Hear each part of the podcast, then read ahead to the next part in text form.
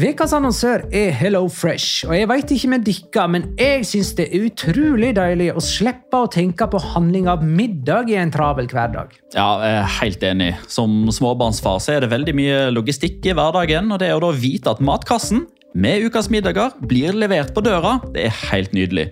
Da slipper du impulskjøp på butikken når blodsukkeret er lavt, og når du kommer hjem, kan du bare ta ut posen med dagens ingredienser fra kjøleskapet og sette i gang matlaginga. Ja, du kan velge mellom 25 ulike retter hver uke. Og de har faktisk en egen kategori som heter Raskt og enkelt, med masse enkle og gode oppskrifter. Veldig greit å ikke måtte ty til takeaway hver gang det er hektisk på jobb. Jeg gleder meg spesielt til sterk chilikylling i min neste kasse. Jeg blir sulten bare av å tenke på det.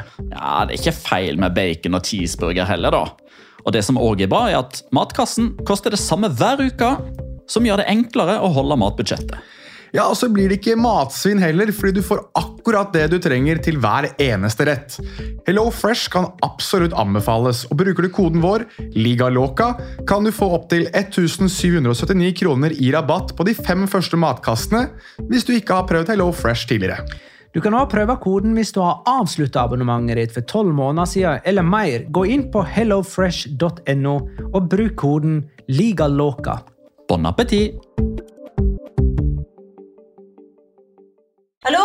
Jeg kommer fra Oslo politikammer. Ine Jansen er purk. Er du purk? The motherfucking bitch. Alt jeg vil, er å finne ut hva som skjedde med mannen min. Jon Carew. Er jeg sikta for noe? Iben Akeli. Det er du. Ole So, Lars Berrum og Big Daddy Karsten. Hvem sin side er du på, egentlig? Anette Hoff, Tone Danielsen, Kommer du fra Afrika? Jørnis Josef, Nesten. Kløfta. Trond Espen Seim. Det er synd å si det, men det var feil mann som døde. Purk. Premiere tirsdag på TV2 Play.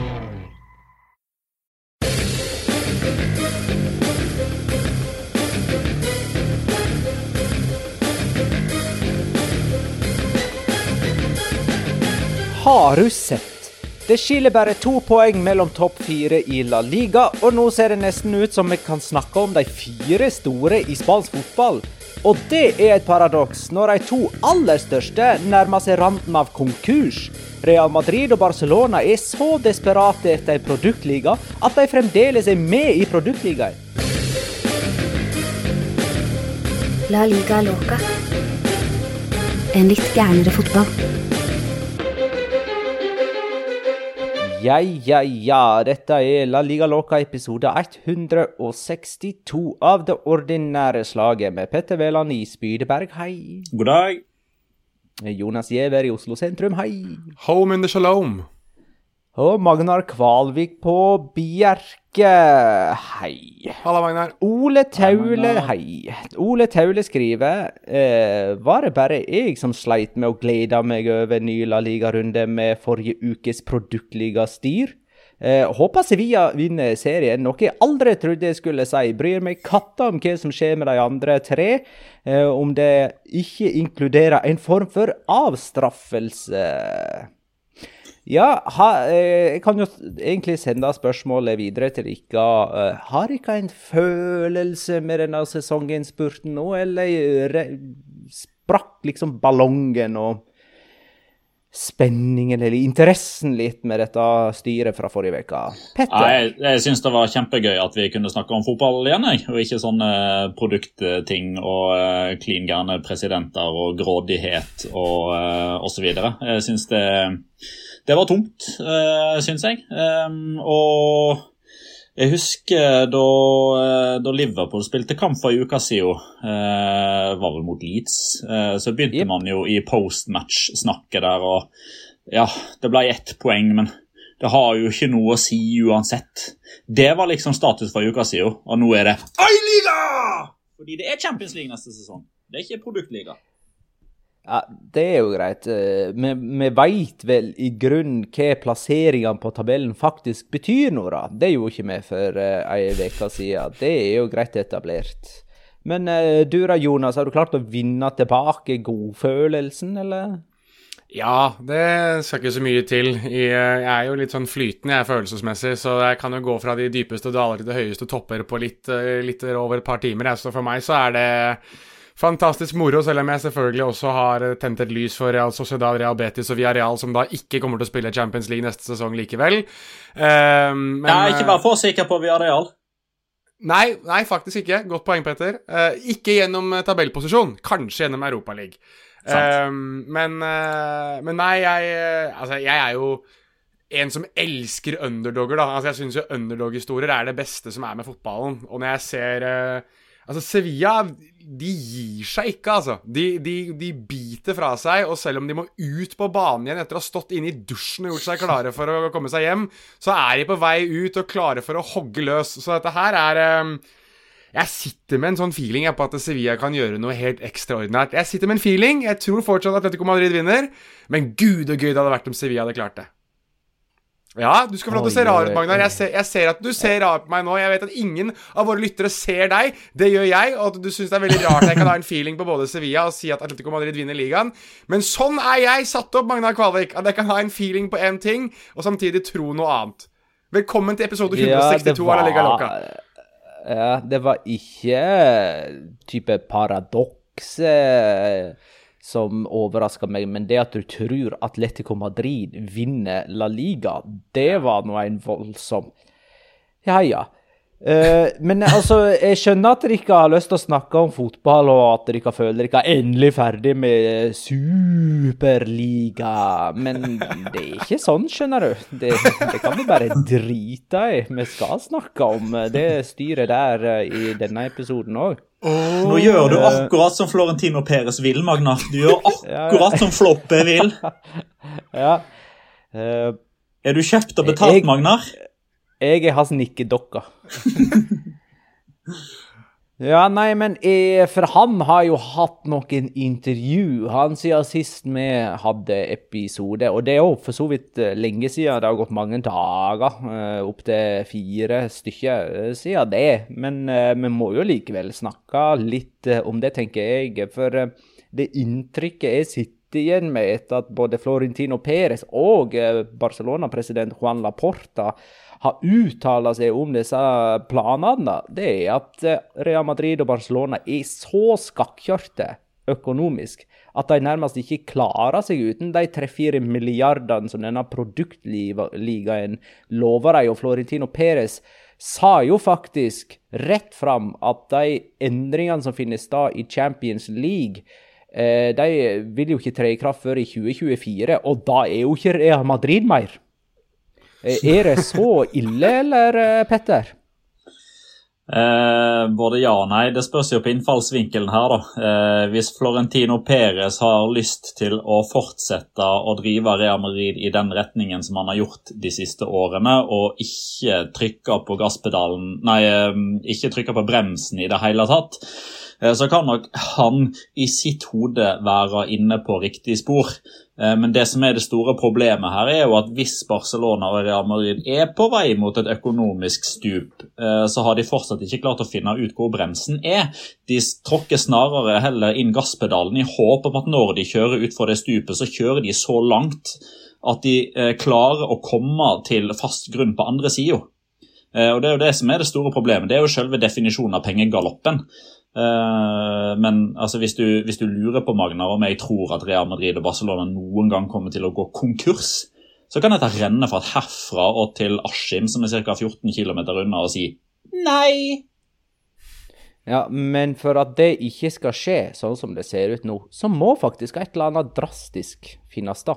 Ja, men det, dras det, drastiske der er at de går til det verket som de burde ha gjort for lenge siden. og Det å få større kostnadskontroll eller uh, kutte i utgiftene eller be på sine knær om noen av kreditorene som står først i køen for å få penger, uh, den gjelder, uh, for å få gjort noe med det. Det er, det, er jo det som liksom er det, det Florentino Perez først og fremst ser ut til å kvie seg litt for, det er å gå ned på kne og be om, be om nåde. Altså for, for, John Laporta sin del, for å ta hans side av den saken her, og Barcelona, så er jo um, Hvordan skal jeg forklare det? Altså, eh, Gjeldsspørsmålet for Barcelona sin del er jo mye mye mer pressende enn det er for Barcelona sin del Nei, for Real Madrid sin del, i det at de uh, de har korttidslån. Altså de har store korttidslån som skal betales innen sommeren, vel. Um, og de har ikke nok inntekter. altså Jeg har snakket litt om dette tidligere og skrevet litt om det, men, men de er veldig avhengig av bl.a. matchday revenue, altså det som kommer inn på kampdag, og har vært det i over ganske lang tid pga. at de har en stor stadion, og at de er såpass populære, og at de har så og så mange hjemmekamper, og dermed har hatt så og så lite inntekt over så og så lang tid, som gjør at de er blødende der, og så har de allerede hatt de økonomiske problemene de har hatt tidligere med å betale for høye uh, lønninger, med å betale uh, overgangssummer som de rett og slett ikke har hatt råd til, osv., osv. Så, videre. så de har blødd på mange ulike fronter. Og jeg har stilt meg litt spørsmålet, og fått litt ulike svar av de menneskene jeg har snakket med, men er det sånn at Barcelona vil være med i Superliga, eller er det sånn at Barcelona må være med i Superliga, basert på de økonomiske vinningene de potensielt kunne fått. Og jeg snakket bl.a. Med, med en økonom som har jobbet med John Laporta, eh, som sa det at det er litt, begge, det er litt begge deler. Altså det er eh, etoset til, til, til, Barcelona gjør at man tenker at man vil ha mer kontroll, at klubbene, de store klubbene ikke har hatt nok finansiell kontroll over de ligaene over de turneringene de har spilt. Eh, samtidig som det åpenbart er et økonomisk eh, ståsted her som gjør at eh, Eller en økonomisk vinning som gjør at man er på et ståsted som, som er mer gunstig ved å være med i, i Superliga enn ikke. Men, men, det interessante her er jo at eh, både Real Madrid og Barcelona virker å være langt mer avhengig av dette enn noen annen klubb i dette prosjektet. Og det sier jo sitt om, om den der finansielle rævkjøringen de egentlig har begått på egen økonomi i altfor lang tid, da. Mm, for eh, Real Madrid har jo vært der før, de, med finansiell krise. Det er bare sånn 21 år siden at jeg mener de kom seg ut av det ved at kommunen rett og slett kjøpte treningsanlegget og bygde skyskrapere der. Eh, Florentino Perez eh, hadde en finger med, eller to, i det spillet òg. Altså, hvordan er det de skal komme seg ut av dette. Det, det, er sånne ting som skjer, liksom. Det, altså, det er en eller annen stor greie som skal få enten Barcelona eller Real Madrid, eller begge deler, sannsynligvis begge, da, ut av dette uføret. Ja, og, og, de er litt inne på samme når det kommer til bygging, Magnar. Det er det som gjør at de er i en såpass stor økonomisk unåde nå, eh, Real Madrid. For de har jo prioritert det å pusse opp Santiago Bernabeu og få den til å se storslagen ut. Og egentlig bestemte seg for å gjøre det Altså, det, planene lå til rette ganske lenge, men de gikk jo ordentlig hardt inn for det i, i pandemien, og bestemte seg for å da ta det prosjektet og, og heller spille på eh, Valdebebas. Og det, det, er jo noe de sikkert kjenner litt på, de også, for de er også en klubb som trenger matchday revenue. Men, men de har jo ikke Ikke bare at de ikke får inn de pengene på, på, kampdag, men de har også valgt å bruke masse av det. Litt sånn som Petter var inne på her nå, at de har jo bare klampa ned gasspedalen enda mer i håp om at eh, den økonomiske vinningen på andre siden skal være helt uh, vanvittig. Og det virker som Florentino Perez har, um, har lagt merke til at det ikke har fungert like godt, Petter. Men det er jo et ganske åpenbart svar, syns jeg, da, på hvor de kan hente disse uh, inntektene som de taper på matchday revenue uh, fram til pandemien er over, forhåpentligvis, og folk kommer tilbake igjen. Uh, og jeg syns det, det, er forbløffende lite snakk om det. Uh, fordi nå handler det jo om å finne inntekter der man ikke har hatt inntekter før. Uh, og de spiller på stadioner som tar 85 og 98 000, som heter Santiago Bernabeu og Camp Nou fram til de bestemmer seg for å selge navnet til en sponsor. Uff. Ja, det, det tror jeg sitter langt inne. Det tror jeg jo, sitter langt inne. Jo, men det, jo da, men det sitter ikke så langt inne hvis de ser døden i hvite øyne. Nei, det er, Nei, men, det er og Barcelona poeng. har nå hatt det diskutert lenge. Ja, men samtidig så er det Altså, de har diskutert det, ja. Og altså, jeg tror alle ulike toppstadioner i verden egentlig er Altså, det er, kanskje det blir enklere for Santiago Bernabeu nå som de bygges, det bygges ut, og det skal se nytt ut. Og det kanskje gjelder da å kunne gi det et nytt navn. At det, det gjør det enklere på en måte, på en måte da, og liksom Ny æra, nytt navn, ny Altså osv., osv., osv. Det, det er jo ikke ja. helt sikkert at det er det som skjer, men det er jo et sånt punkt som svarer på det Magnar eh, konstaterer, at noe stort her må skje for at Real Madrid og, eh, eller Real Madrid og eller Barcelona kommer seg ut av det. og et sånt stort punkt er ok, greit.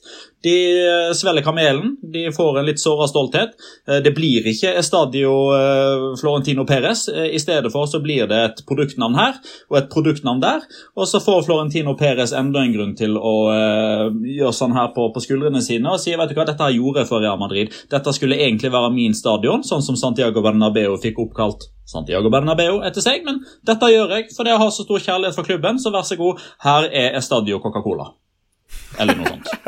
men, det jo, men, det er jo litt det som de gjorde i, uh, i San Sebastian. Der det er jo uh, Altså, Anueta heter jo ikke Anueta lenger. Det er vel Reale Arena, er det ikke det? Altså, Jeg vet ikke hva det heter engang, jeg. Men jeg vet bare ja, at ja, det er Reale Arena. Ja, ja, du har Emirates, Emirates og Etihad og Color Line Stadion uten sammenligning for øvrig. Litt større dimensjoner på dette. Men altså, det er jo noe som har gjort før.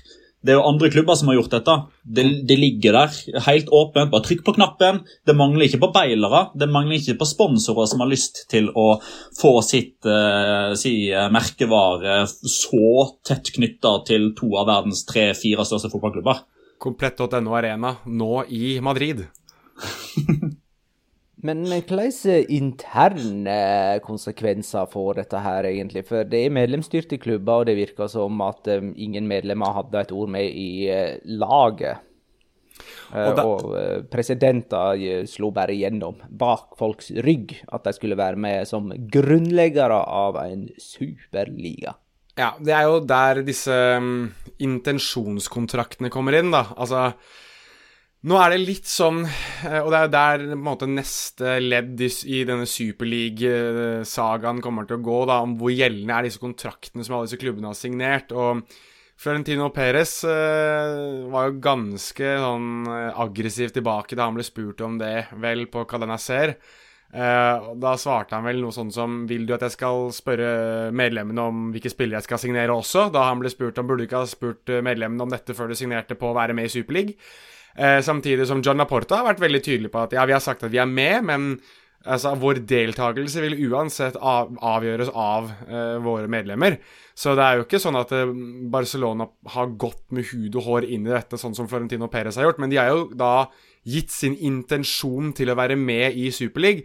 Og da er jo spørsmålet, når du har signert den kontrakten som Florentino Perez hevder at alle tolv klubbene har signert, hvor bindende er egentlig det?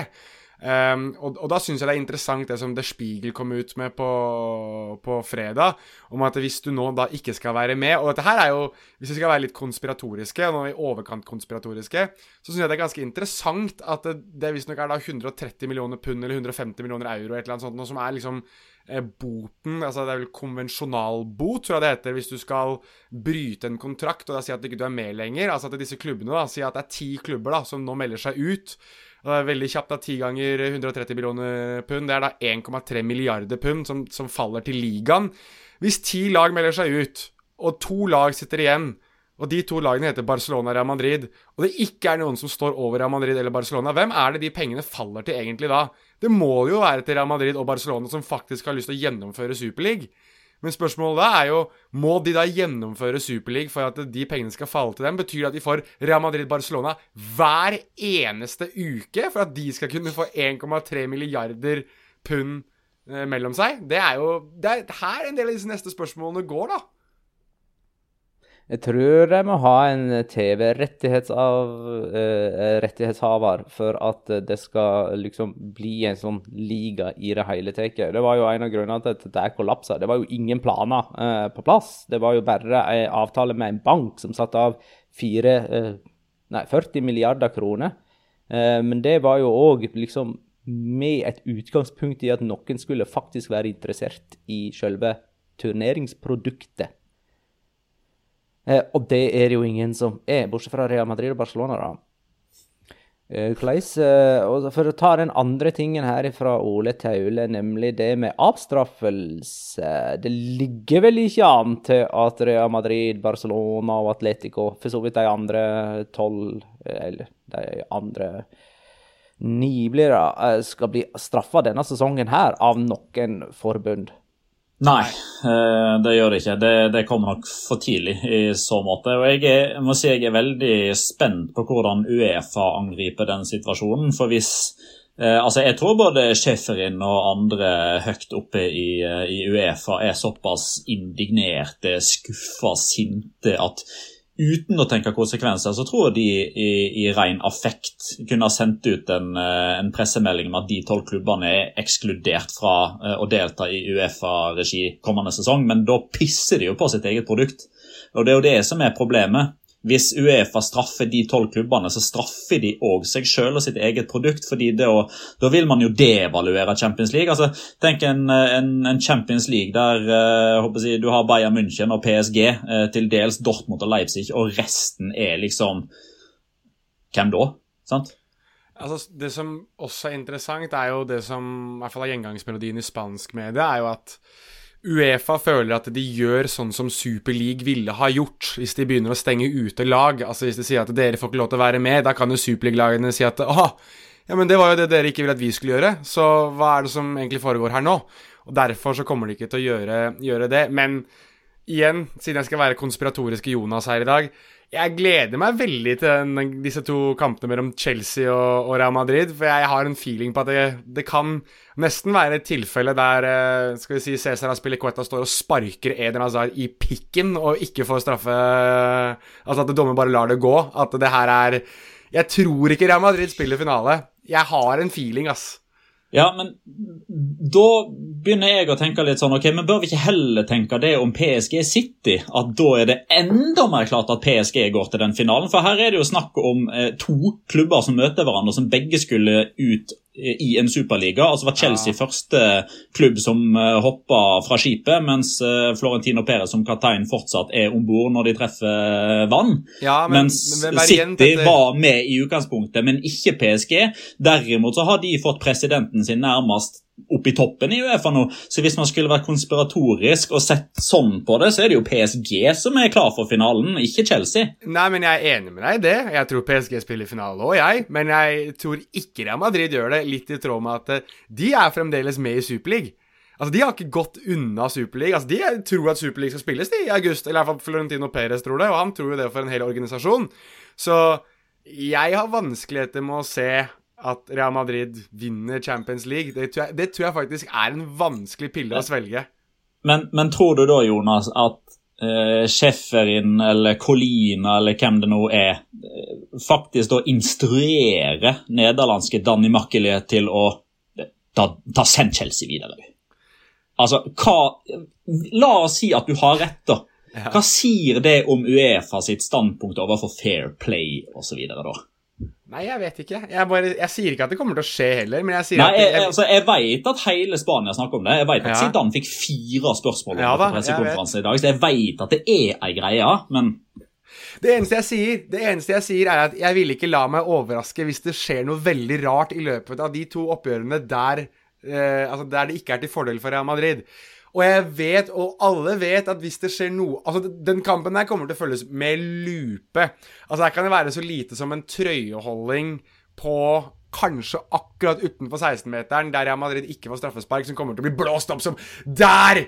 Åh! Der var liksom Hele Uefa var etter uh, Florentino Perez og Real Madrid. Altså, det vet jeg, men jeg bare sitter med en feeling på at de kommer til å få én eller flere situasjoner i løpet av de oppgjørene der som kommer til å bli sånn eh, spansk mediemat. Ja, og Uefa er så samvittighetsfulle, og ord og handling der har jo alltid gått i ett. og eh, Nei, det, det, Uefa har nok rent mjøl i posen og kommer ikke til å agere. Her eh, de har jo planer om et nytt Champions League-format som blir en realitet fra 2024. Kanskje ikke hogd i stein, men eh, etter alle solemerker. Vi har snakka om det formatet der tidligere. Som sagt, for Florentino Perez så kommer altså det for seint. Real Madrid går under lenge før den tid. Og mens for mange spillere og trenere, spesielt i England, så virker jo hele det der konseptet der òg lite velkomment. Både Tuchel og Klopp har jo uttala at eh, flere europeiske turneringer og nye format bare er designa for flere kamper, ikke bedre konkurranse. Og så har altså Seferin svara med at hvis trenere og spillere fremdeles skal tjene som i dag, så må de generere mer inntekter, og det gjør de visstnok bare med flere kamper. da. Eh, det hadde vært litt deilig om den internasjonale fotballen, toppfotballen, hadde tatt seg sjøl litt i nakken og sagt liksom sånn ja, Vi trenger faktisk ikke å tjene 80 millioner kroner i året hver nå. Eh, vi kan redusere lønna og antall kamper og hele pakka. Jeg likte Pep sitt uh, sitat der, jeg. Med at Uefa var så flinke til å øke alt mulig, så kanskje de kunne øke antall dager i året til mm, kanskje 400? Så rakk de å spille alle disse kampene. Det går fint an å gjøre noe med denne utdaterte kalenderen vår. Må det alltid være 365 eller 66 dager i året? Det går vel an å alternere det der litt. Vi kan ha 400 dager i ett år og så 500 dager i et annet. Må det være symmetrisk? Superkalenderen! Uh, Produktkalenderen. Eh, men det virker jo nesten som hele den internasjonale toppfotballen er i en midlertidig tilstand nå. Altså, for det første, altså Alle kamper går jo for tomme tribuner. Det er greit. Det har med en pandemi å gjøre. Videodømming er fremdeles i en prøveperiode, og det skjer mye rart uh, i så måte i ulike serier. Nye turneringer blir foreslått, nye format blir foreslått. Mange klubber er på randen av konkurs, mens vi venter på et blodig VM som mange har bestemt seg for at de ikke vil se. Fins det noe autentisitet igjen nå i fotballen? Jeg gleder meg veldig til Eliteserien starter opp. kjenner Jeg bare føler at det, der kan vi kanskje få litt sånn ekte fotball. da. Eh, bare lene oss litt tilbake og, og se. Uh, sparking. Litt på snø, kanskje. Gode, gamle kunstgras. Nei, det blir deilig. Ja. Nei, jeg, altså, vet du hva? Jeg, jeg syns fortsatt jeg, jeg må innrømme jeg syns det var litt dumt at disse produktligaplanene gikk i vasken så raskt. Jeg hadde faktisk et lite håp om å, om å se det der skje. Um, og se og se om den ligaen faktisk fikk den oppslutningen som klubblederne innbiller seg at han ville. da. Eh, eller om det rett og slett kunne ha vært et bevis på at fotballen klarer seg fint uten disse gigaklubbene som hevder at hele fotballen er helt avhengig av dem. For å komme med en sammenligning som kanskje ikke er en sammenligning for øvrig, uh, men uh, Royal League, Magnar. Royal League, det er det det hadde blitt. Savna Der har du autentisitet. um, nei, men er vi ferdige der, eller? Jeg kan ikke snakke på jeg, Bare sånn Jeg kom til å tenke på uh, Atletico Madrid. siden de trakk seg så raskt ut, så, så kommer jo på en måte de, de trakk seg stille ut og rygga inn i, i, skyggen og um, har liksom ikke skreket ut om dette behovet for de uh, umiddelbare milliardinntektene. Men det ser vel ikke sånn kjempebra ut for de heller, finansielt, eller? Nei, men det kan liksom ikke sammenlignes med Real Madrid og, og Barcelona. Det, jeg tror nok det er en grunn til at det skrives såpass mye. Jeg tror det var en grunn til at Atletico Madrid baila ut før de to andre. Jeg tror det er ganske mye samsvar i akkurat det der. Så for øvrig, jeg husker ikke hvem det var som, eh, som hadde den saken. Jeg så det var den der eh, The Madrid Zone på Twitter, som er en sånn felles engelskspråklig konto som viderebringer fra alle. Jeg lurer på om det var Carusel Deportivo som, eh, som hadde liksom, den informasjonen om at de elleve andre superligaklubbene stussa veldig over Atletico Madrid, at Atletico Madrid var nummer tolv. Eh, rett og slett fordi deres eh, økonomi og deres eh, evne til å bringe TV-inntekter inn i potten og deres sosiale mediefølgerskare var så markant lavere enn nummer 11. Så Atletico Madrid er i utgangspunktet kanskje den klubben som hadde i ordets rette forstand tjent aller mest på å bli en del av den lukka 12-15-mannseliten. Eh, men samtidig så eh, Og det kan jeg jo bare si med en gang. Jeg har nå hørt del én av fantastiske When We Were Kings om Atletico Madrid 2013-2014 anbefales til alle. og det er først når man jeg håper å si, dypper dykke ned i, en, i fortida til Atletico Madrid på den måten der. Eh, at man igjen da lar seg bergta over at Atletico Madrid kan ha gått fra å være det de var, til faktisk å bli med i en sånn elite. Som man jo selvfølgelig ikke liker, men fucking hell, altså det er imponerende det Simione har gjort med den, eh, med den klubben der. OK, da kan vi uh, ligge død uh, den produktligaballen og alt det som er av uh, ufyselig styre og stell i internasjonal toppfotball, og heller snakke om det som faktisk skjedde på banen i helga. Runde 33, som offisielt var runde 32. Kamp for kamp. Elche Levante 1-0. Lucas Boye er matchvinner for Elche, som ligger poenget over nedrykksstreken. Eh, og laget bak dem, Valladolid, har en kamp til gode som de skal spille nå i midtveka. Eh, Levante på tolvteplass nå. Det er, som alle vet, feil Valencia-lag på tolvteplass, så det må noe snart skje. Valladolid, Cádiz 1-1. Oscar Plano skåra for Valladolid. Juan Cala utligna for Cádiz. Juan Cala ble jo anklaga for rasisme av Valencia-stopper Diakaby for en tid siden, men ingen bevis for rasistiske uttrykk ble funnet. Dermed spiller Juan Cala videre, og i sin forrige heimekamp så hadde Cádiz det største antirasismebanneret jeg har sett på en stadion noen gang. Tror jeg hele hovedtribunen var dekka av et Cádiz har alltid vært imot rasisme-banner mot Real Madrid. Så du det, eller? Jeg så det. Jonas? Det var enormt, enormt svært, men noe som ikke er Jeg må altså, spørre dere altså, Har dere noen gang sett en trener som ser mer og mer apatisk ut til eget lag enn det altså Jorge Rivera, nei, Alvaro Rivera gjør? Altså, han Jeg husker ikke hva han heter engang, for han ser så apatisk ut. Altså, han er jo helt uh, Han er Altså, kampen starter, så sitter han bare liksom Ja, ja da må jeg sitte her, i, sitte her i to timer, da, og se det, se det greiene her. Altså, Han driter så jævlig i det laget sitt nå, og er så lei. Jeg har aldri sett Altså, si hva dere vil om Abelardo før han var ferdig i Alaves, men han ble jo fly forbanna, og liksom Nå er det faen meg nok, liksom. Mens Alvaro Severa bare sitter der og bare er sånn Ja, ja. Hver Han har sittet sånn i fem år. Nei, men, Veldig fascinerende. Men nå er, det, nå er, det, ille, liksom. Det kan jo være at det er ille for at ikke de vinner en jævla kamp, og da får du liksom ikke se de gledesutbruddene hans. Men nå er det nesten sånn Uansett hva de gjør, så er det bare Ja, ja. Men nå er de jo nesten ferdig spilt. De ligger jo uh, ja, godt over nedrykksplass og uh, har ikke europacupplass å snakke om heller. Så kanskje han er litt sånn ferdig med sesongen og gleder seg til neste. da. og kanskje han er like trøtt på klubblederne til de store klubbene han som jeg. Men de er jo Valencia. Men de er jo videre, altså, det er verdt å ta med. da De kommer iallfall til å spille La Liga neste sesong, ser det ut til. da Det er jo Så han er Ja, kanskje du har riktig, Magnar. Kanskje det er derfor han ser så apatisk ut. For han er liksom ferdigspilt. Driter i å være der, egentlig. Jeg Har lyst på ferie nå. Det har vært ja. en uh, tett og tøff sesong, vet du. Godt poeng. Valencia, Valencia Alaves 1-1. Jon Gudetti sendte Alaves i ledelsen med sin første skåring i La Liga på tre år. Uh, han har faktisk ikke starta en eneste kamp denne sesongen. Han, uh, Alaves har to seire og to uavgjort på de fire kampene siden Abelardo fikk sparken og Javi Calleja tok over.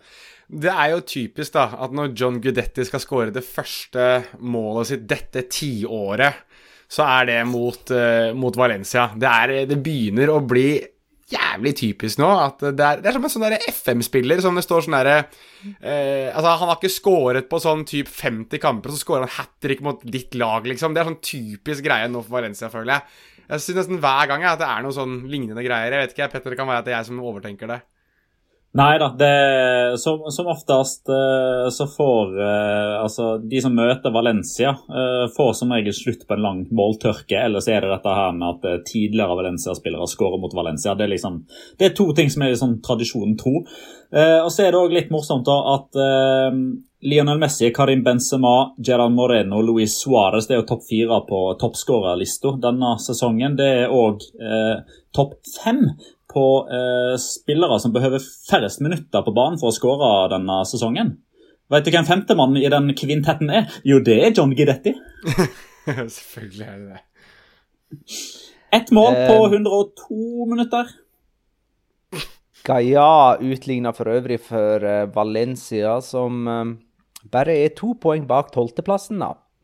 Gaia Gandios. Real Madrid, Real Betis 0-0. Betis taper aldri borte mot Real Madrid, i alle fall ikke de siste fire årene. De har ikke sluppet inn mål én en eneste gang på de siste fire årene. Enten de har spilt på Santiago Barnabeo eller Valdebebas. De siste fire gangene de har spilt på kamp nå, har de sluppet inn 15.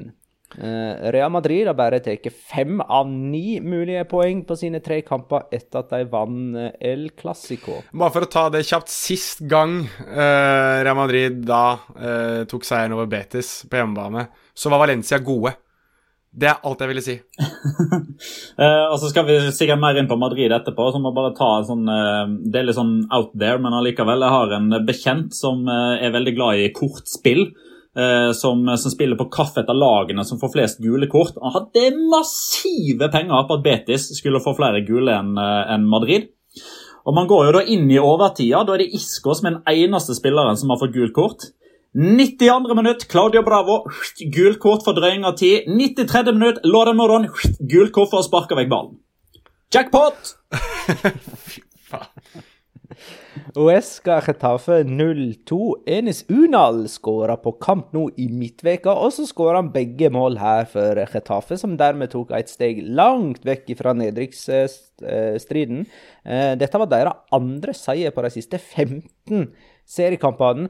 Uesca var over nedrykksstreken for to uker siden, men nå har de tapt tre strake uten å skåre et eneste mål, og er dermed nest sist. Ta først, Petter. Eh, ja, han eh, samme kompisen her. Eh, altså, Retafe er jo alltid underdog når det gjelder det å få flest gule kort. Og Her var faktisk oddsen så altså Den var så lav på Retafe at de skulle få flere kort, at han valgte å spille en sånn handikap-variant i stedet. Altså at Retafe skulle få to kort eller mer eh, enn hva Uesca fikk. Eh, Uesca fikk jo de to første, og så kom jo Enes Onal for en albue, Arambardi for en eh, eh, takling og Juan Iglesias for trøyeholding. Og så dukker Damian Suárez opp. Fire minutter på overtid! Sparker mot ballen! Dobbel jackpot! jeg klarer ikke helt å leve opp til det, men jeg ville, jeg ville egentlig bare si det at eh, den derre gleden i Chetafe med hver scoring og når dommeren blåser i fløyta altså det det er lenge siden jeg tror jeg har sett et lag være så glad over en seier. Som, altså, der virker det som om de virkelig følte at de fikk mange, mange mange kilo løftet av skuldrene sine. Altså, der, eh, altså Pepe Bordalas har jo latt håret gro og greier nå, så han ser jo ut som en sånn colombiansk drug dealer. Men han var jo helt i fistel da de endelig um, sikret seg seieren her, og tar jo, som du var inne på, Magnar, et kvantesteg da fra nedrykkskamp, så de kan jo nesten innkassere La Liga-spill sesongen 2021-2022 allerede, de også. Men det er en av de tingene jeg syns var litt sånn i disse superleague-dager hvor vi snakker om elitisme og, pomp og, pompøs tilnærming til fotball, så var det litt gøy å se lag som ble oppriktig glad av å slå et lag som kommer til å rykke ned, mest sannsynlig. Via Real Barcelona 1-2. Chukwueze sendte Villarreal i ledelsen. Grismann snudde med to skåringer for Barcelona. Villarreal har nå spilt 24 seriekamper mot Barcelona uten å vinne, og Unai Emeri vinner jo aldri mot storlag, så dette her var ganske forutsigbart. Eh, Barcelona spiller mot Granada torsdag denne veka, og vinner de den, er de på eh, tabelltopp med like mange kamper spilt som Atletico, Real Madrid og Sevilla. Emil André Helin vil at vi skal snakke litt om chipen til Grismannen. Ja. Den var lekker, ja. Den, ja, men det var en fin, var en fin chip. Godt jobb. Godt jobba. Avslutning. Det var 1-1-skåringen. Arvid Espen lurer på om det fremdeles er verdt å bytte ut Koman med Xavi etter sesongen. Jeg kan vente et år. Ja, vente et år. Ja, jeg er enig i det. Vente et år. Men altså jeg må jo si det, da, at hvis Barcelona er det laget som trekker det lengste strået her til slutt, så um, må man nesten gå litt i Altså Statue, eller? Nei, ikke det statue nødvendigvis, men, men det er det ganske mange som må svelge ordene sine, i hvert fall. Og som uh, må kanskje bite litt i det som jeg regner med at er et surt eple. Med at han faktisk har fungert og faktisk har en aldri så liten sesongremontada fra, fra Ronald Coman. Så det, jeg hadde ikke forventet det. Men uh, det begynner å bli ganske imponerende. Nå har jeg sagt da, at hvis Lionel Messi bestemmer seg for å vinne ligaen, så gjør han det. Men uh, det er nok Roald Ronald Coman har nok hatt et par fingre med i spillet her, han også, for å si det sånn. Celta Vigo og Sassona 2-1. Iago Aspas skåra jevnt og trutt igjen, faktisk. Fire mål på de siste fem nå, og Celta Vigo er på øvre halvdel. Sevilla Granada 2-1. Fem strake seire for Sevilla, som bare er to poeng bak serieleder Atletico Madrid. Eh, Sevilla er altså et av fire lag som kjemper om La Liga-tittelen denne sesongen. Erik Hammersmark eh, skriver Sevilla går for andre år på rad glipp av gruppespillet i Europaligaen og må prøve å komme seg inn bakveien, hvis det er lov å si. Lopetegi out. um, akkurat nå, før Real Sociedad har spilt sin kamp denne runden, så er Sevilla som, og de, de, er på fjerdeplass, altså. De er 20 poeng over femteplassen. De er sikra. Uh, og, og, de sikra Champions League-spill, men uh, ja nå var de 20 poeng i det jeg ville fram til. De, de menger seg altså da med de store på et vis som nesten får det til å virke som at de er blant de store sjøl. De er liksom en av de fire store i spansk fotball. Ja, og jeg syns det er um, retorikken da, fra Lucas Ocampos og en del Sevilla-supportere, altså bl.a. Cristobal Soria på Twitter osv., som er um, jeg syns det er noe litt sånn eventyrlig. De sier at uh, vi drømmer. Altså, vi, vi, drømmer om La Liga. Altså, det, det er blitt en drøm. Um, og hvorfor skal, hvorfor skal de ikke tørre å drømme? Altså, Hvorfor skal man ikke ha, kunne ha den, den illusjonen og den tanken om at det er mulig? Det er på en måte Diego Simione og Atletico Madrid var partido og partido og jobbe seg til seieren, så er Sevilla blitt en sånn drømmenes klubb. da, At de, de, de skjønner helt sikkert at ja, det her blir dritvanskelig, men de har kommet til den der delen av sesongen hvor man sikkert sitter i garderoben og ser på hverandre og tenker Hvorfor ikke? Por qué no? Hvorfor ikke bare gå for det? Og det, er, og det gjør meg så, så, glad, da. Jeg tenker at det hadde vært så Nei, det hadde vært et, et, Og i disse dager der de tre lagene over dem alle er da superleague-lag, så hadde det vært litt sånn ordentlig spark i tenna deres hvis da Sevilla faktisk hadde gått og vunnet det her. Fantastisk timing i så fall, ja. Ja, ja, absolutt. Altså, Lucas Ocampos tok jo faktisk uh, gullordene i sin munn i postmatch-intervjuet etterpå. Han fikk et spørsmål altså, snakker dere om gull, uh, og da sier han ja. Uh, ellers hadde det ikke noe vært poeng i å, i å, spille fotball hvis vi ikke snakker om å, om å vinne, sånn på generelt grunnlag. men sånn Sett bort ifra akkurat det sitatet fra en glad, litt smågalen argentiner eh, som eh, uttaler seg i et euforisk øyeblikk, så syns jeg det er veldig mye som ligner på egentlig Atletico Madrid 2013-2014 med Sevilla. Eh, og Jeg legger også merke til at i postmatch-intervjuet til Julen Lopetegi etter kampen, så begynner han fortsatt å snakke om sånn partido a partido. Altså Han har jo tatt etter Simione. Han bruker jo den terminologien og den motivasjonen om at vi tar kamp for kamp og vi tar uh, ett steg av gangen. Uh, og så ser man liksom Altså, målforskjellen til de fire topplagene, det er 76-29. Det er Barcelona. Det er 60-22. Det er 56-24. Og det er 49-26. Altså, Færrest skårede mål er ganske markant der, mens antall baklengs er ganske likt blant de tre. Altså, da Atletico Madrid vant serien, da var jo det et lag som ja, de tok noen store seire her og der, men det var først og fremst tufta på at de vant kampene 1-0, 2-1, 2-1. Eller 1-0, 2-0, 2-1. Så den 49-26-målforskjellen som Sevilla har nå, den ligner òg på Sevilla. Nei, på, på Atletico Madrid i 2013-2014. Og så Gjennom hele sesongen her da, så er det jo disse tre lagene vi har snakka om i gullkampen, og så har Sevilla meldt seg på nå i det siste. Så egentlig Gjennom hele sesongen her så har vi snakka om hvor er det gullet eventuelt ryker for de tre andre.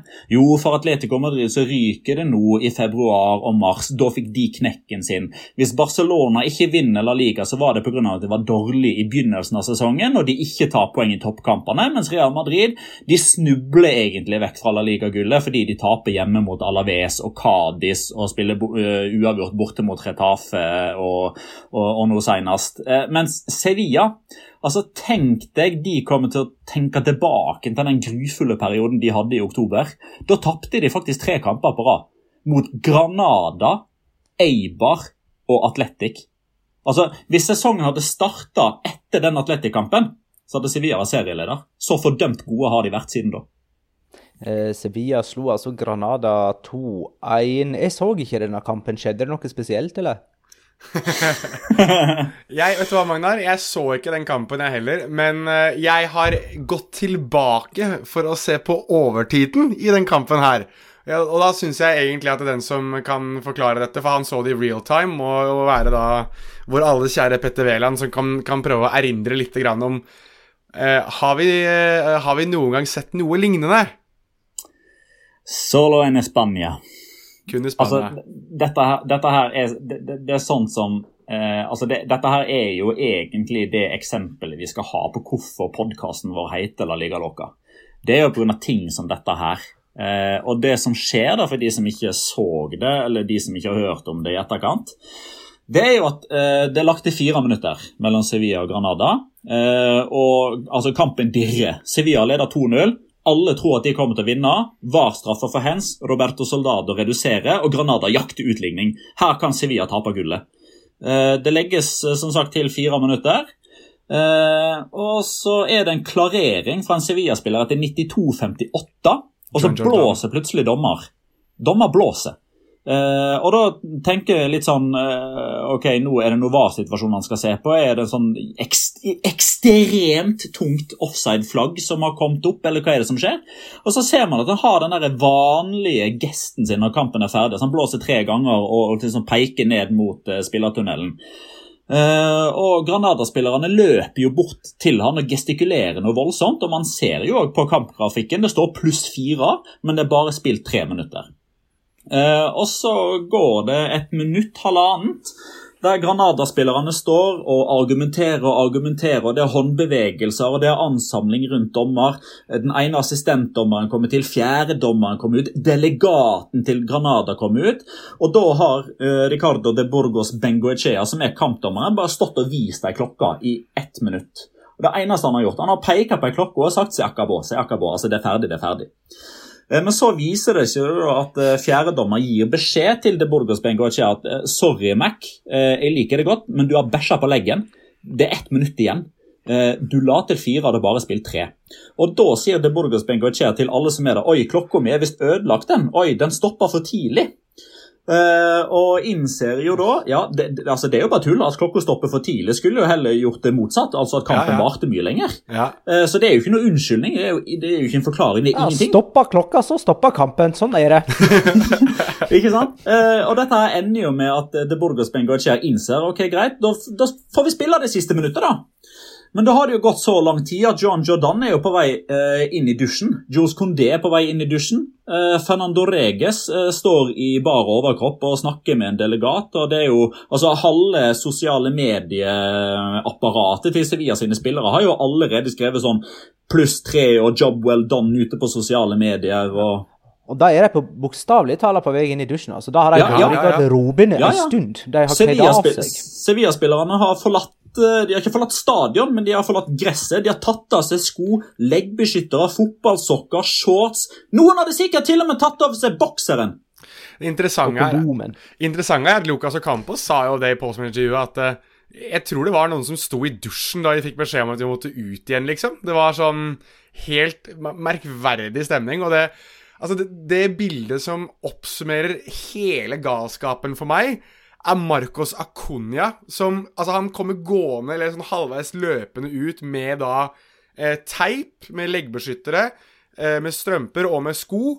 Og, og, setter seg ned og begynner da å liksom eh, dra på seg eh, sokkene og liksom surre på seg leggskinna. Liksom prøve å gjøre det så fort han kan, mens fjerdedommer liksom sånn Ja, hallo, hei, kom igjen, vi må spille. Og Marcos Acuña at jeg gjør det så fort jeg kan, liksom. Jeg holder på her og begynner å snøre på seg skoa igjen. og liksom Må kjøre en sånn kjapp liten warm-up på sida, bare for å liksom komme litt i varmen igjen, før han kan få kommet seg utpå der igjen. da. Og, det, og da har jo liksom da har 21 mann egentlig vært utpå der, mens man sitter og venter på at Marcos Acuña må få på seg skoa sine igjen. Og da må man nesten lure på Altså, nummer én Hvor kjappe er egentlig fotballspillere med å få av seg tøyet, lurer jeg på? For det har jo det har gått kanskje fem minutter, ja.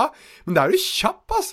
Hvis du har klart å dra av alt sammen på vei inn i dusjen, så må nesten hylle det litt òg. At eh, den der uh, iveren etter å komme seg i dusjen etter en fotballkamp må være helt sensasjonell. Men De skulle hjem igjen og se Atletic Atletico. Det skulle de. Men, men aller siste jeg skulle si der da, er jo også det at Eh, noe som gjør at jeg syns det er kult med, med Sevilla òg, er at de lar seg ikke affisere. For der, er det, der kan det være at man blir, at man blir stressa, om at de på en måte er helt ute av rytmen og fokuset er borte. Men det er, det er kun ett minutt. Men det er ett minutt som kan definere hele ligaen deres hvis de driter seg ut. Men de er så gjennomført til fingerspissene profesjonelle der òg, og ser ut kampen. Petter? Og, det en, og enden på visa er jo da eh, 2-1. Kampen blåses av eh, igjen, eh, som Sevilla påpekte på sin Twitter-konto. Det er slutt for andre gang. Eh, og eh, Jules Condé går inn i garderoben og skriver jo en tweet da. Og hvis dere vil, så kan vi spille kampen på nytt. Ja. Simen Halvorsen skriver hvor mange mål har blitt skåra i siste tilleggsminutt denne sesongen? Har Granada-spillerne egentlig grunnlag for å bli så sure over å miste det siste minuttet, statistisk sett? Vel, ja. er, det, er, det, så viktig, liksom? Må man alltid spille ferdig kamper? Jeg lurer på det samme, jeg, altså. Eh, Atletic, Atletico Madrid 2-1. Mm, Atletico får det rett og slett ikke til lenger. De vant to strake hjemmekamper mot Eibar og Eska, men Eh, det var ikke starten på ei lang seiersrekke i sesonginnspurten, for de tapte altså på samme mes mot et lag som mer eller mindre er ferdigspilt for sesongen. Eh, Atletico toppa altså tabellen to poeng framfor Real Madrid og Barcelona, men Barcelona har én hengekamp hjemme mot Granada torsdag denne veka. Eibar Real Sociedad blir spilt i kveld, mandag 26. april, om to timer, dvs. Si klokka 21. Mm, og så um, tenkte jeg at vi skulle ta denne fra Jonathan Hansen Molin. Hvem er deres favoritt til La Liga-tittelen per dags dato, og hvorfor?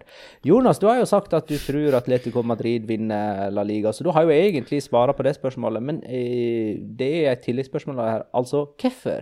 Hvorfor i alle verdens dager tror du Atletico Madrid vinner La Liga? Helt ærlig, kun fordi at jeg har uh, sagt de tidligere, at jeg ga de alle mulige sjanser. Det er eneste grunnen. Altså, jeg, jeg er en kaptein. Jeg, du er bare sta. Ja, jeg går ned med skipet mitt. Jeg går, jeg går ned med dette skipet, så derfor Og det er bare du som er på det. Ja, nei, men... Du redder jo ingen heller, nei. liksom. Nei, nei, nei, nei, nei, Men, har jeg, men har jeg sagt noe, altså har jeg sagt at de vinner ligaen, og bestemt meg for det, så må jeg stå med det. Men jeg, er, men jeg kan også være såpass ærlig og si at eh, logisk og realistisk sett så har jeg nesten alle de andre tre lagene i gull gullkampen foran Atletico Madrid, hva angår i hvert fall momentum, da. Kanskje Real Madrid er litt like som, som uh, Atletico Madrid, men, men uh, eneste grunnen til at jeg har Atletico Madrid nå, er fordi at jeg har tippet dem før, og kan ikke gå vekk fra det. Petter? Petter? Uh, vet du hva, jeg skal, jeg skal, forsøke å forklare det uh, med noe annet enn at jeg skal gå ned med skipet mitt. For jeg har velger å stå på Atletico Madrid, men jeg skal for, forsøke å, uh, å, forklare det. og Hovedgrunnen ligger i den 1-0-seieren som de tok mot Barcelona i det omvendte oppgjøret. Uh, og den kampen som de skal spille på uh, Camp Nou, uh, jeg syns den minner så voldsomt om det som skjedde i 2014. Og da har jeg en sånn fornemmelse av at historien er i ferd med å gjenta seg litt. og så har man jo et inntrykk, et ganske korrekt sådan, at Barcelona veldig ofte slår Atletico Madrid, spesielt i seriesammenheng, men så enkelt er det faktisk ikke. for i 2016-2017 så endte det 1-1 på Camp Nou. Eh, det gjorde det òg da de møttes i Copa del Rey samme sesong. Eh, og så vant Barcelona i 17, 18 og 18, 19, men forrige sesong sendte det 2-2. Atletico Madrid vant det omvendte oppgjøret her. Eh, Atletico Madrid slo Barcelona i supercupen i januar 2020, så det er på ingen måte gitt at Barcelona vinner den hjemmekampen på, på Camp Nou, som i mine øyne til tross for at det på mange måter har blitt en sånn bonusgullkamp for Barcelona, så er det Barcelona som har mer å tape som favoritter når de spiller på hjemmebane mot Atletico Madrid. Og ellers eh, så tror jeg at eh, nå når Luis Suárez, Joao Felix og Thomas LeMar og José Maria Jiménez alle er venta å være tilbake igjen fra start eh, mot Elche og ja, presumptivt òg de resterende kampene, mot det altså Zidad hjemme, Osasona hjemme og Valladolid borte, så jeg er ganske sikker på at Atletico Madrid kommer til å ta 12 av 12 i de resterende, og at da, er, da går det ned til den aller siste kampen der mot, uh, mot, Atletico Madrid. Da må de vinne, med mindre Barcelona avgir poeng i noen av de andre kampene. Og det gjør de mot Valencia borte. OK. For jeg skulle til å si at, eh, at Barcelona trenger jo ikke å slå Atletico Madrid. De klarer seg med 1-1 på kamp nå mot uh, dem. Men du mener altså at Valencia skal klare å ta tre poeng, eller poeng, fra Barcelona? Vel, jeg holder i alle fall Barcelona som favoritter til å vinne eh, denne sesongen. De er, det er vel det topplaget, skal vi se vekk fra Sevilla kanskje, som har færrest skader og karanteneplager og sykdomsplager og det som er. Og merkelig nok så er de en situasjon der de slår unnafra. Fordi at Atletico har jo leda hele sesongen. Jonas, siste ord om dette? Ja, jeg vil bare få tatt uh, headinga til Inigo Martinez mot uh, Atletico Madrid. Altså, det er, det er, sesongens heading for meg, altså. Han kommer som en bamse inn i feltet på den corneren og bare Altså, det er så mye kraft i det nakkepartiet til Inigo Martinez, og han stanger den i mål. og jeg tenker jo tilbake til en uh, litt sånn sur kveld i Trondheim. Uh, der uh, hadde han gjort noe av det samme, så hadde vi fått et foreviget øyeblikk med både blondt hår og skjegg og øyebryn og det som verre er. Så det kom seint, men godt fra Inigo Martine, så det kan være det som avgjør ligaen. Jeg vil bare kjapt sitere Angel Correa. vi i Atletico Madrid vi er vant til å, å slite. Vi er vant med å kjempe. Eh, vi lå for langt foran på tabellen på et tidspunkt. Vi må gjøre det vanskeligere for oss sjøl, men vi vinner til slutt. Ja. Da kan vi kåre runden spiller. Jeg tror Petter sin kandidat ble nummer tre.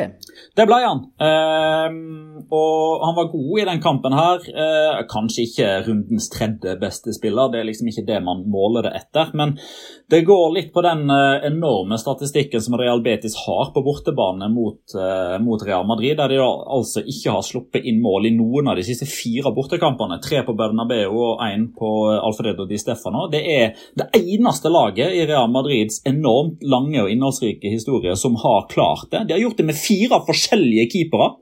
Antonio Adam, Paul Lopez, Claudio Bravo og Joel Robles, som på et eller annet tidspunkt av ganske mange millioner fotballsupportere har blitt latterliggjort i andre klubber. Uh, enten for uh, Roma, uh, for Manchester City, for Wiggen, Everton og Malaga og you name it. De fire har altså holdt nullen. to spillere Utespillere har spilt alle kampene.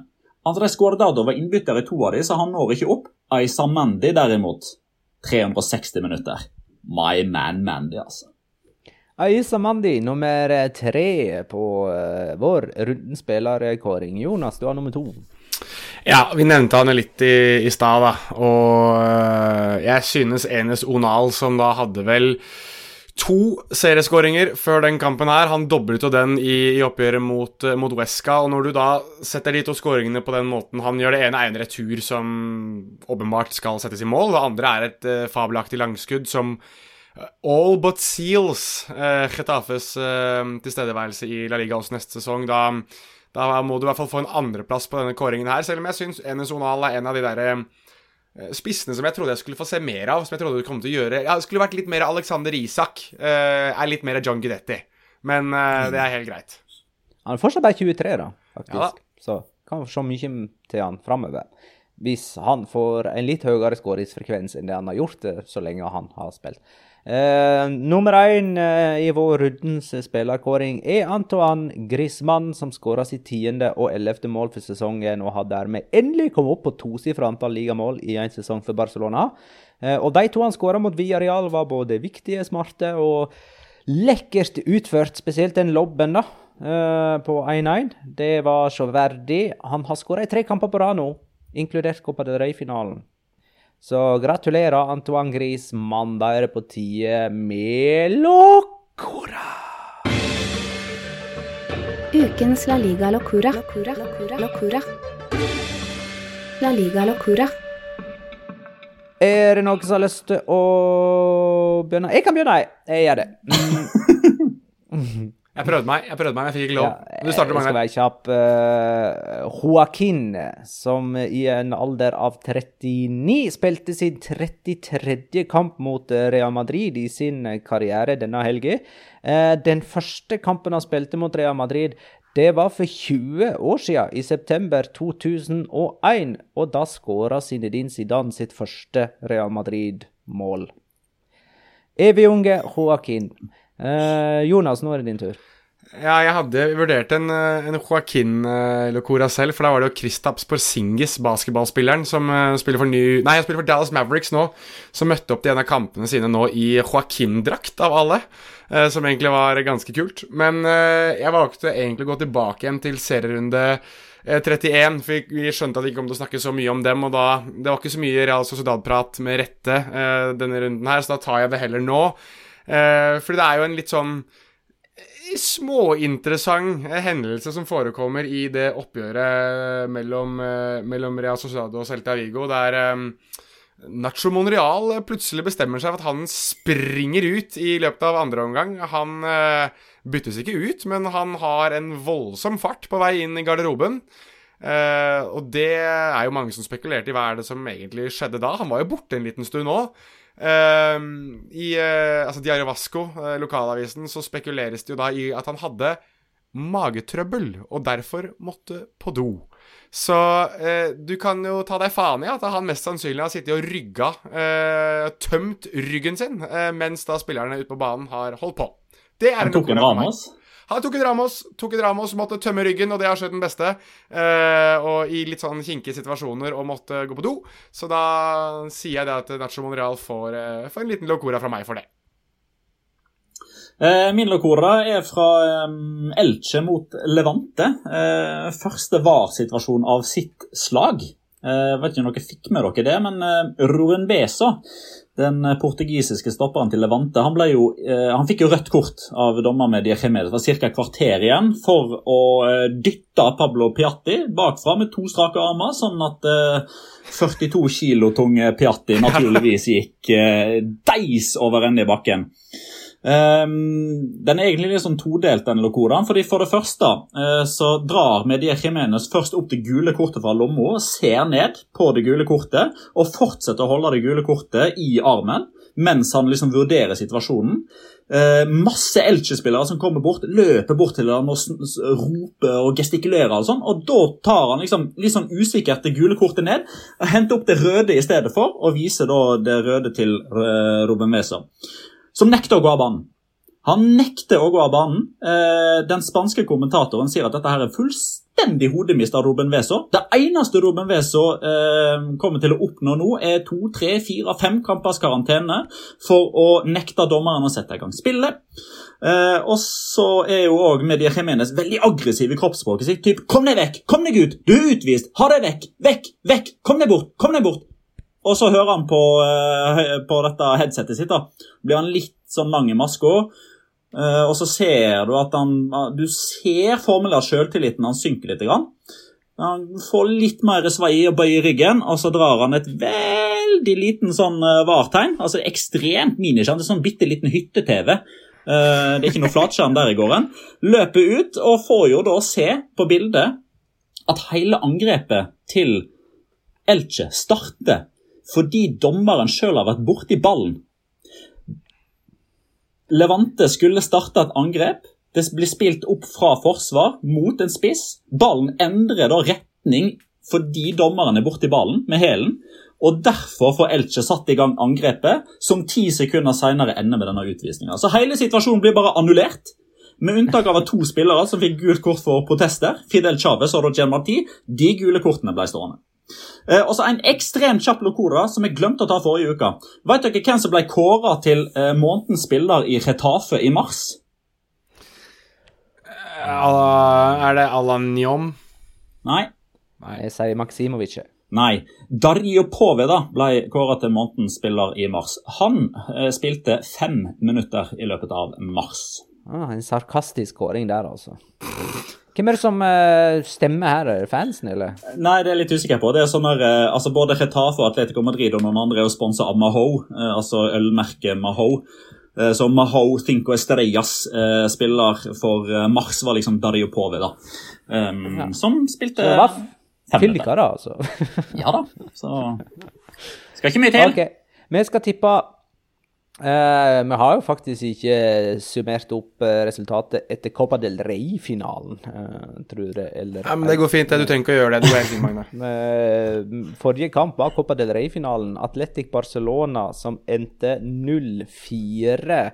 Jeg hadde 1-2 med Messi som første målskårer, og det gir meg ett poeng. Jeg har dermed 26. Petter hadde 0-3 med Grismann som første målskårer. Det gir tre poeng. Eh, du har da 25.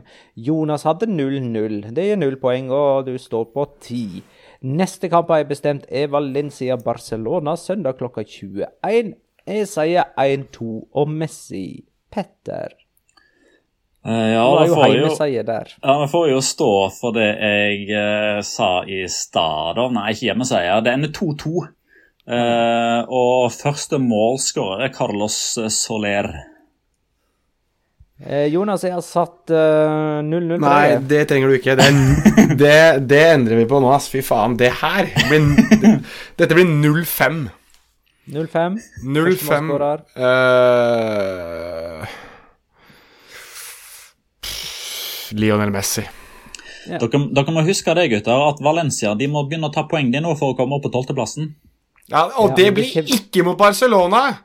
De, de må ikke vinne alle de resterende kampene for å ta, ta igjen to poeng på tolvteplassen.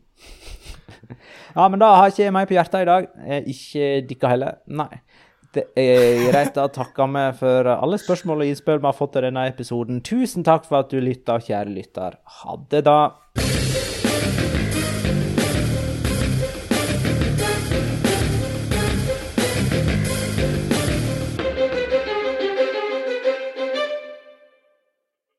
Har du et enkeltpersonforetak eller en liten bedrift? Da er du sikkert lei av å høre meg snakke om hvor enkelt det er med kvitteringer og bilag i fiken, så vi eh, gir oss her, vi.